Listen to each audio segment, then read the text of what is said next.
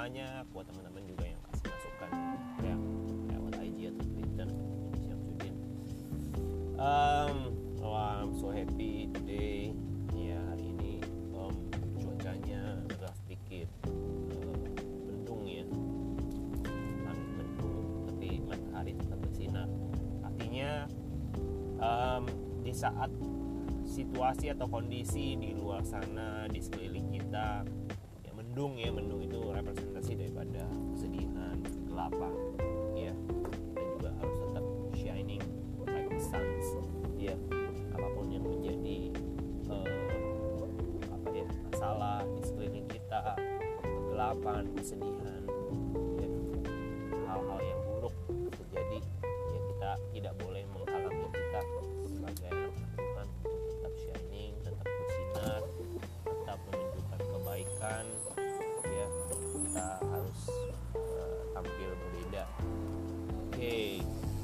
anyway um, saya bersyukur sekali juga pada teman um, podcast ini udah nggak kerasa ya udah di episode udah ke 120 I think 122 atau 123 saya lupa.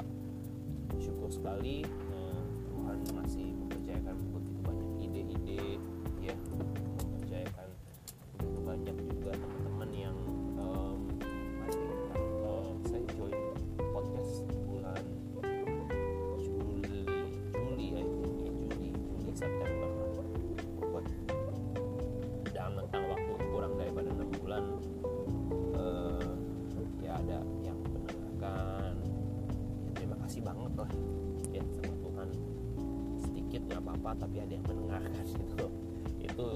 membuat sebuah motivasi untuk membuat podcast lebih banyak lagi nah, saya juga rindu eh, podcast ini bisa menjadi berkat ya buat teman-teman anak-anak muda ya, yang ada di luar sana yang di marketplace yang masih sekolah yang masih kuliah mereka bisa menemukan sesuatu ya sesuatu yang berharga gitu ya.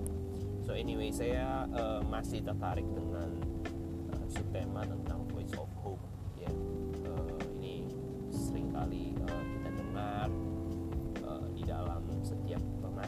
permasalahan gitu ya ini masalah real juga di dalam setiap uh, masing-masing dalam dunia remaja. Um, dan masalahnya memang kadang-kadang juga uh, membuat depres ya. Nah, hari ini kita bahas tentang bully ya korban bully atau bully. Em, saya tidak mengatakan bahwa bully itu baru trending hari-hari ini. Tetapi dulu pun sebenarnya ada bully cuman mungkin bully bullynya itu eh, terselubung. Kalau buat teman-teman yang nggak tahu bully itu apa bully itu artinya sebenarnya lebih ke arah mengejek merendahkan melecehkan ya. Jadi eh, bully itu lebih ke arah memang eh, mendowngrade seseorang ya nilai atau value seseorang yang yang yang tidak baik sebenarnya ya. Dan biasanya bully itu eh, banyak sekali mengajak partisipan-partisipan untuk untuk untuk merendahkan jadi bukan satu orang dilakukan. Biasanya bully itu tidak dilakukan oleh satu orang. Namun satu orang membuli banyak orang itu jarang. Kebanyakan satu orang mengajak teman-temannya untuk membuli satu orang itu itu kebanyakan ya.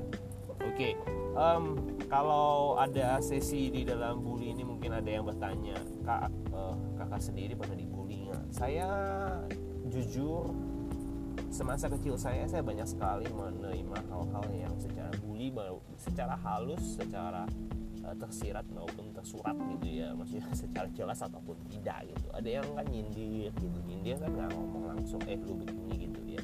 Tapi ada yang yang diam-diam ngomong sebenarnya nyindir nyindir kita gitu. Itu maksudnya kita gitu.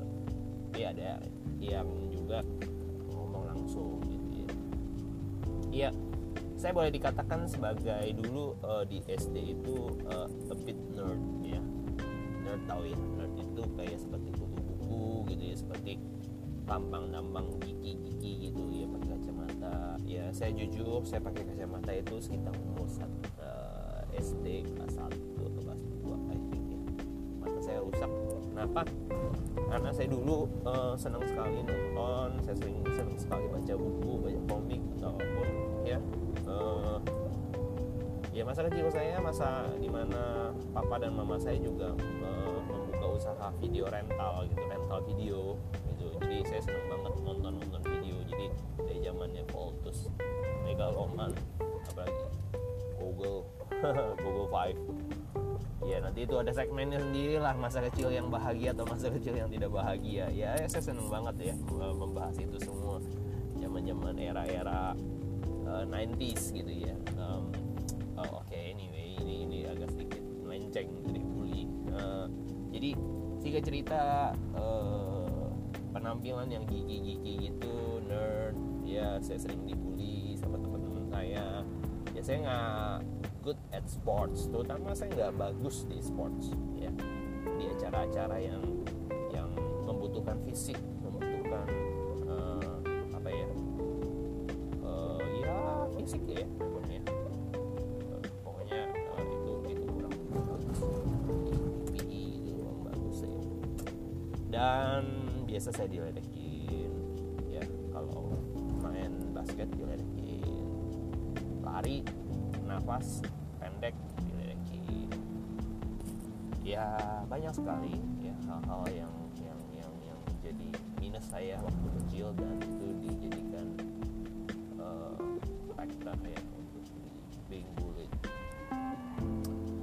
Oke okay, itu pengalaman saya. Jadi um, apa yang harus dikerjakan ketika being bullied gitu ya? Jadi uh, uh, uh, uh, saya jujur sejujurnya dulu tidak memikirkan untuk uh, terlalu banyak membela diri sih ya mungkin saat sekarang ini saudara yang being bullied saudara bisa uh, bisa melaporkan ya kepada orang tua. Karena ada pasal dan uh, pelindungan anak. Ya sekarang itu lebih canggih dunia lebih open minded dan dunia itu serius sekali menangani kasus-kasus bully-bullyan gitu. bahkan kalau siswa siswi atau mahasiswa mahasiswi yang yang tertangkap jelas bukti-bukti otentik yang mendukung ke arah itu siswa siswi itu bisa dikeluarkan. Ya, ini jadi it's a serious matter. Ya, saya pun juga kalau punya anak seperti itu saya juga tidak mengizinkan anak saya bullied um, so anyway apa yang harus dikerjakan dan apa pengalaman saya? Kalau pengalaman saya saya memang dulu memang beda ya zaman dulu tidak ada uh, hukum-hukum dan perlindungan uh, perpu-perpu uh, peraturan-peraturan pemerintah untuk melindungi hal-hal tapi yang saya dulu kerjakan dan saya juga saranin saudara kerjakan yang pertama kalau saudara bullied saudara cerita sama orang tua anda. Ya saudara harus terbuka saudara harus menceritakan apa adanya. Ya mom atau dad I've been uh, harassed I've been bullied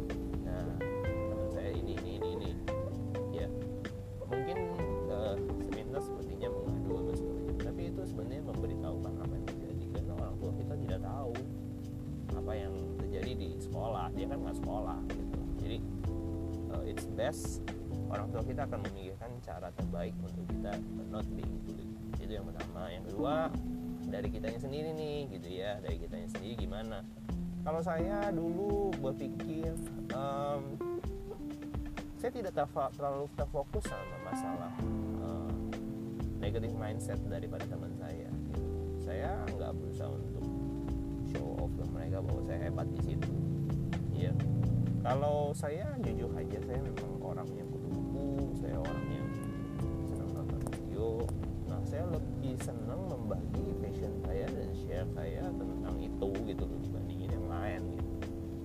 Instead of PE ya dibanding olahraga ya saya lebih baik coba uh, belajar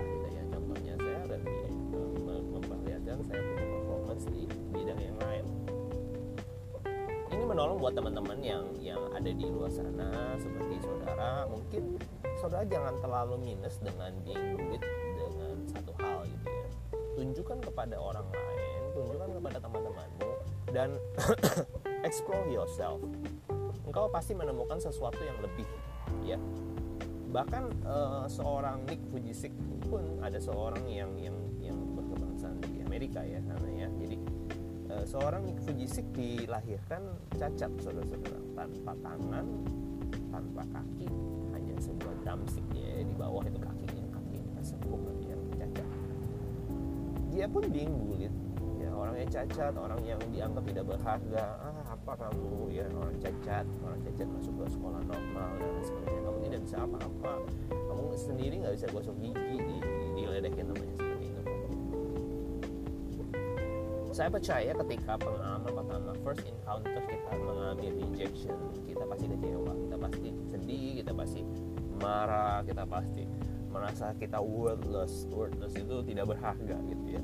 Semua orang pasti mem memikirkan seperti itu. Aduh saya diledekin di olahraga gendut lah lambat lah tidak bisa berkeringat lah dan lain sebagainya. Saya merasa bahwa I'm worthless. Sometimes I'm not ready for it saya merasa bahwa oh iya ya kok saya kayaknya kok bodoh sekali gitu ya. Kok saya nggak bisa impress girls gitu ya in PE gitu in, in, in sports gitu. Kan cowok-cowok cool banget maco banget kalau uh, bisa impress di bidang olahraga ya. But I cannot impress them gitu. Saya nggak bisa menunjukkan saya tuh menarik di situ gitu. Jadi ya what can I do gitu? What should I do ya uh, tapi saya come up with a better solutions ya orang yang punya kekurangan di satu sisi artinya tidak punya kelebihan jadi instead of focus of your uh, apa ya minus side ya jangan fokus uh, daripada kita berfokus kepada sisi-sisi uh, uh, kekurangan kita jauh lebih baik saudara mencari dan mengeksplor dan mengembangkan sisi-sisi positif saudara setuju tidak? Ya seorang Nick Fujisik itu ya orang bilang kecap dia cacat. Dia tidak bisa melakukan ini dan itu. Tapi tahukah saudara dia justru berfokus kepada hal-hal yang jauh lebih banyak jauh lebih dahsyat yang dia bisa kerjakan bahkan sekarang dia salah satu motivator mungkin ya mungkin ya. Saya nggak tahu dia benar atau tidak tercatat atau tidak dia, saya pernah me, me, me, mendengar bahwa dia adalah satu uh, di antara 10 motivator yang terkaya dan terkenal kok bisa gitu? Ya orangnya cacat kok bisa jadi motivator gitu ya? Ya karena dia mengeksplor dia melihat sisi-sisi positif yang lain yang dia bisa kerjakan yang orang lain tidak mau kerjakan dia kerjakan. Dia bisa bermain sepak bola dia bisa bermain golf dia bisa bermain dia bisa berenang. Belum tentu saudara yang punya uh, apa lim yang lengkap atau apa ya lim uh, anggota tubuh gitu ya kan belum tentu saudara ada yang mau disuruh belajar berenang aja kadang-kadang tapi dia yang nggak punya justru mau belajar berenang. Ya jangan peduli apa kata orang. Ah, kamu nggak bisa ini kamu bisa itu. Selama saudara berpikir saudara nggak bisa dan saudara seperti apa kata orang benar terjadilah seperti itu. Tetapi ketika saudara punya iman saudara mengenal Tuhan yang benar this is the voice of hope. Ya ini adalah suara pengharapan. Nick Fujisik itu mendengar suara Tuhan. Ya, mendengar suara Tuhan dia mencari Alkitabnya. Dan di sana dikatakan di saya Pak. Worthy. Ya. you are so valuable. You are so special. You are one of a kind engkau adalah ciptaanku yang mulia dan berharga. Wah ada tulisan itu luar biasa. Kalau saudara membaca engkau adalah ciptaanku yang mulia dan berharga saudara coba bayangkan dan resapi setiap kata ciptaan Tuhan yang mulia mulia itu bernilai tinggi bernilai baik seperti logam. Logam mulia itu logam mulia itu logam emas. Artinya abadi mempunyai nilai yang tinggi dihargai disukai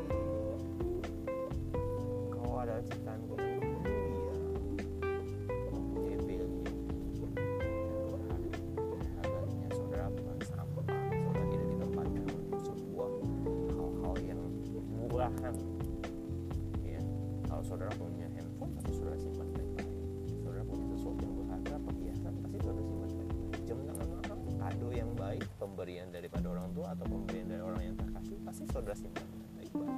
Lain halnya kalau saudara dikasih misalnya batu atau logaman lah pekan saudara kan bisa taruh di mana aja.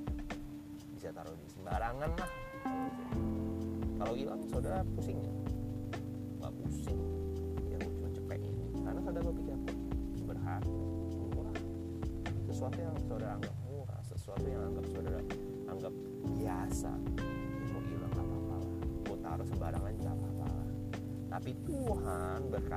Kepada saudara. Engkau adalah ciptaanku yang mulia dan berharga artinya apa saudara tidak mungkin dibuang-buang dan disia-siakan oleh Tuhan.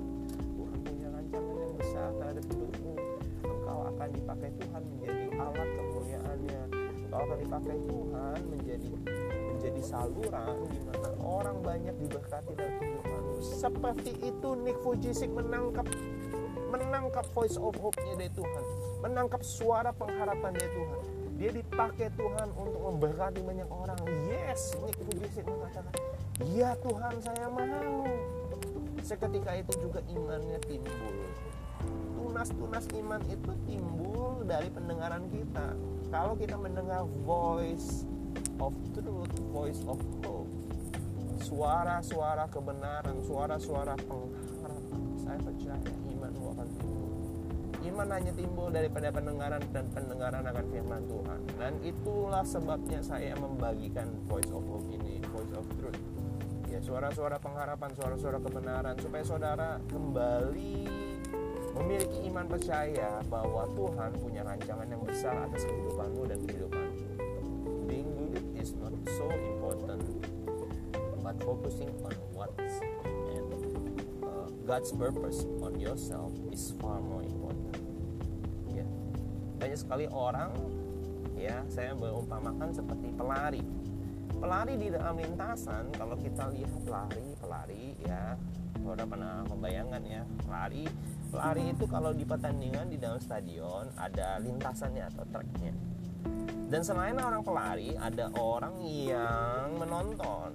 Menonton itu sebelah kanan dan sebelah kiri mungkin ya. Ada yang cheering up ada yang memberikan semangat ada yang memberikan elu-elu ada yang meneriakan nama. Tapi ada juga orang-orang yang mengejek kita. Setuju ya? Di dalam kehidupan ini sama seperti seorang pelari saudara-saudara. Ada orang yang mendukung saudara ada orang yang juga yang menjelek-jelekan saudara ada orang yang berusaha untuk menghancurkan semangat saudara. Tetapi saya saya mau kasih tahu satu hal. Hanya pelari yang menyelesaikan pertandingan yang mendapatkan hadiah. Hanya pelari yang masuk lewat garis finish yang pertama kali mendapatkan mahkota yang mendapatkan hadiah yang mendapatkan penghargaan.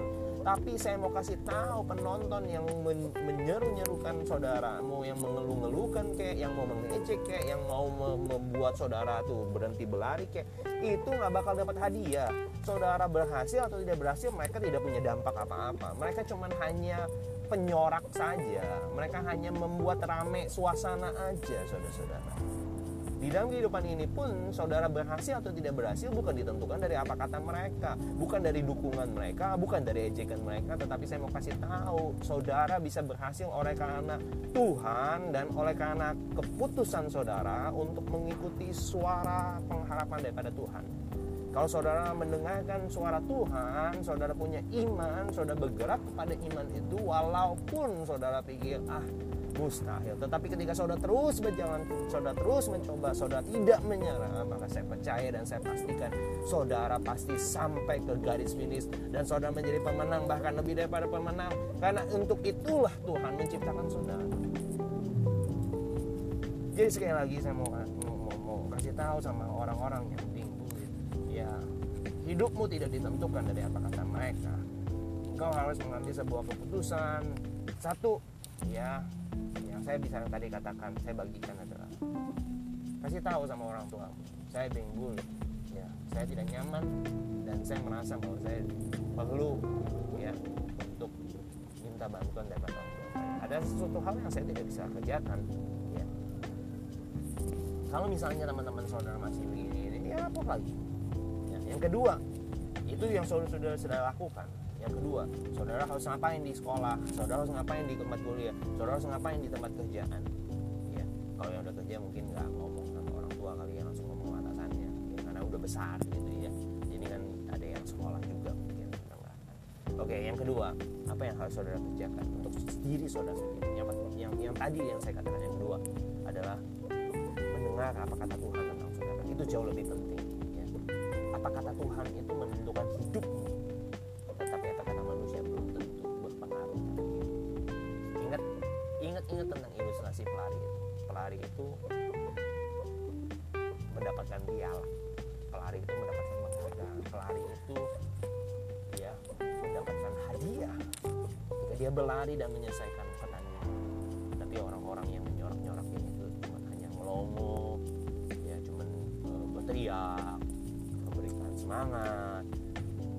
coba menjatuhkan engkau ya, lewat kata-kata. Ya, itu itu adalah orang-orang yang bully orang-orang yang yang yang yang nggak suka sama kita. It's okay. Life is like that way gitu. Nggak usah dipikirin oh hidup kok nggak adil kok hidup nggak ada yang menyorong-nyorongin saya semua kok orang nggak suka sama saya. It's okay. Satu saat engkau akan memperlihatkan mereka ketika engkau berhasil mereka pasti juga akan menjadi seorang yang bakal ada orang yang 100% akan menyukai itu jadi so just go on just uh, continue your journey ya yeah dan fokus on the positive side, on the plus side of yourself. Jadi fokus kita harusnya kepada kelebihan kita, ya. Jangan fokus pada kekurangan kita, tapi fokuslah kepada kelebihan kita. Itu yang saya mau bagikan kepada saudara. Dan um, itu saya pikir cukup ya. Yang pertama tadi kalau memang saudara masih sekolah, saudara masih kuliah, saudara ceritakan kepada orang tua saudara karena saudara masih ada supervision of your parents ada yang lebih tua ya kalau nggak ada orang tuanya jauh dan lain sebagainya saudara bisa lapor kepada wali dan lain sebagainya itu salah satu uh, one of the best options that I I think. Yang kedua ya fokus on your plus side. Ya jangan fokus kepada minus side daripada saudara. Jangan terbatas. Jangan jangan terpaku pada uh, hal-hal yang negatif yang dikatakan oleh orang. Tapi justru asah hal-hal positif yang yang saudara bisa kerjakan. Dan yang ketiga tadi dikatakan banyak-banyak dengarlah apa kata Tuhan. Ya apa yang kita bisa dapatkan dari Tuhan? Ya saudara bisa membaca di Yesaya 43 yang engkau adalah ciptaanku yang berharga dan mulia. Jadi itu mematahkan setiap apa yang menjadi perkataan orang bilang you are worthless. No you are so uh, so loved ya. Engkau dicintai engkau dikasihi sama Tuhan dan engkau itu mulia ya.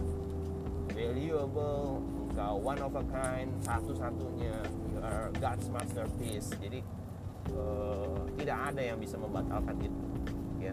Penciptamu sendiri yang berkata seperti itu bukannya saya yang ngomong itu saya cuma mengutip apa kata Alkitab. Alkitab itu adalah pewahyuan daripada firman Tuhan. Firman Tuhan berkata kepada itu maka percayalah bahwa engkau itu memang benar-benar mulia dan berharga amin. Ya itu. Jadi uh, buat korban-korban bully di sana jangan pernah uh, putus asa. Sama seperti saya saya juga dulu orang yang malu. Saya juga orang yang nggak bisa ngomong di publik. Ya di umum. Ya gemeteran mungkin bisa gitu ya. Tapi bersyukur lewat proses kehidupan saya lewat orang-orang yang ngebully saya lewat orang-orang yang nggak suka sama saya saya justru belajar saya masuk ke dalam dunia dunia marketing saya masuk ke dalam dunia dunia asuransi saya dilatih saya melihat orang yang biasa orang yang yang dulu punya latar belakang sama sama saya. Kok dia bisa hebat kok dia bisa luar biasa kok dia bisa ngomong di depan umum dia bisa ngomong di depan ribuan orang dengan tidak gentar. Saya bilang Tuhan saya mau seperti itu Tuhan hanya mengatakan bahwa ikuti prosesku maka engkau akan melihat bahwa karyaku engkau akan lebih dahsyat dan luar biasa daripada orang itu. Wow saya meyakini itu. Karena saya berkaca kepada engkau adalah ciptaanku yang mulia dan berharga. Dan saya bilang kalau saya yang begitu mulia saya begitu berarti bagi Tuhan maka Tuhan mengancangkan sesuatu pasti digenapi di dalam kehidupan saya. Dan itu satu hal yang saya percaya. Dan apa yang saya harus perlengkapi? Saya harus memperlengkapi dengan ilmu. Saya harus memperlengkapi dengan how to-nya ya bagaimananya. Ya, jangan bilang simsalabim. Tuhan tidak bisa menciptakan kita simsalabim. Kita langsung berubah dari misalnya kita wah badan kita misalnya kita nggak sehat kemudian kita mau uh, badan kita bagus ya nggak usah bagus lah sehat gitu ya. Uh, kemudian kita makan potato chip kita makan french fries kemudian kita tidak tidak mengatur uh, pola hidup kita kita istirahat sembarang sembarangan kita juga tidak makan dan lain sebagainya. Eh kita tidak olahraga makan banyak tapi tidak olahraga istirahat juga kacau beliau. Ya jangan mengharapkan saudara punya badan yang sehat gitu.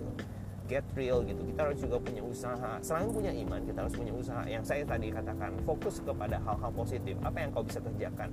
Ya untuk membangun badan yang sehat engkau harus makan yang yang sehat. Engkau juga harus tidur yang sehat. Engkau juga harus ya ya mandi ya jangan nggak mandi. Ya itu itu itu penting.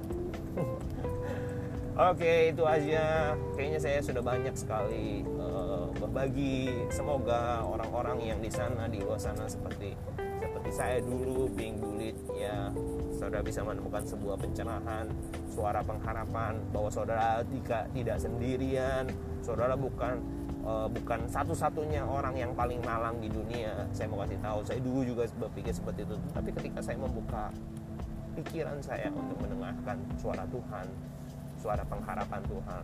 Hidup saya berubah ya saya mulai berpikir ah Tuhan tuh punya rancangan yang besar dalam hidup saya. Bukankah dia berkata rancangan-rancangan yang ada padaku mengenai kamu kata Tuhan. Ada rancangan-rancangan yang damai sejahtera. Artinya saudara-saudara tidak perlu khawatir. Tuhan punya rancangan yang hebat buat hidupmu. Tuhan mau pakai hidupmu. Masalahnya engkau mau atau tidak? Ya toh ya. Tuhan punya rancangan yang besar. Dia mau bikin kamu bangunan yang besar bangunan yang megah bangunan yang akan dipuji akan dikagumi oleh orang banyak. Masalahnya kamu mau atau enggak? Kamu mau jadi itu enggak? Bukan Tuhan nggak bisa atau nggak bisa. Masa sih Tuhan bisa atau nggak bisa? Tuhan yang menciptakan kita. Tuhan tuh El Shaddai Tuhan itu tidak terbatas saudara-saudara. Masalahnya kita mau atau enggak gitu. Kalau kita mau ya Tuhan saya mau. Jadilah seperti kehendakmu apa yang kau suruhkan kepada aku manut aja aku taat aja. Ya jadi saudara-saudara saudara kita Tuhan tuh tidak bisa melakukan mujizatnya tanpa kerjasama dengan kita. Saya belajar itu semua. Tuhan mau melakukan mujizat di dalam kehidupanmu maka engkau harus bekerja sama dengan Tuhan. Apa yang disuruhkan kerjakan. Apa yang dia suruhkan taat dan setia saja. Ya engkau akan melihat hasilnya di ujung sana. Engkau akan melihat. Akan tercengang bagaimana Tuhan merubah hidup haleluya haleluya. Oke buat semua teman-teman yang bingung sekali lagi jangan patah hati jangan putus asa jangan mengakhiri kehidupan ini. Jangan mengakhiri games ya. Jangan mengakhiri pertandingan lari dengan keluar aduh saya sedih saya dibenci orang saya banyak tidak banyak pendukungnya. Saya mendingan saya quit dari lintasan larinya. Ya saya kasih tahu orang yang quit dari lintasan lari orang yang rugi dua kali mendapatkan cercaan dan orang yang tidak mendapatkan hadiah dua kali kita rugi. Buat apa kita rugi dua kali? Buat saya saya nggak mau rugi. Saya mau untung. Ya orang saya itu oke okay. ya saya akan tunjukkan bahwa saya bisa sukses. Saya bisa mengatasi apa yang mereka katakan. Dan saya akan membuktikan apa yang mereka katakan. Itu salah besar. Dan saya berharap saudara juga punya pemikiran yang sama. Ya oke okay, itu aja. Um, saya akan sharing di voice of hope, hope uh, voice of hope selanjutnya. Sorry ini agak sedikit ini ya hektik. Ya di voice of hope berikutnya. Dan saya berdoa supaya teman-teman semua di sini hopers ya hopers gitu ya uh, semua punya pengharapan pengharapan yang baik ya di dalam dia. Kita percaya kita memiliki segalanya. Memiliki Tuhan memiliki segalanya Yesus memberkati engkau dan keluargamu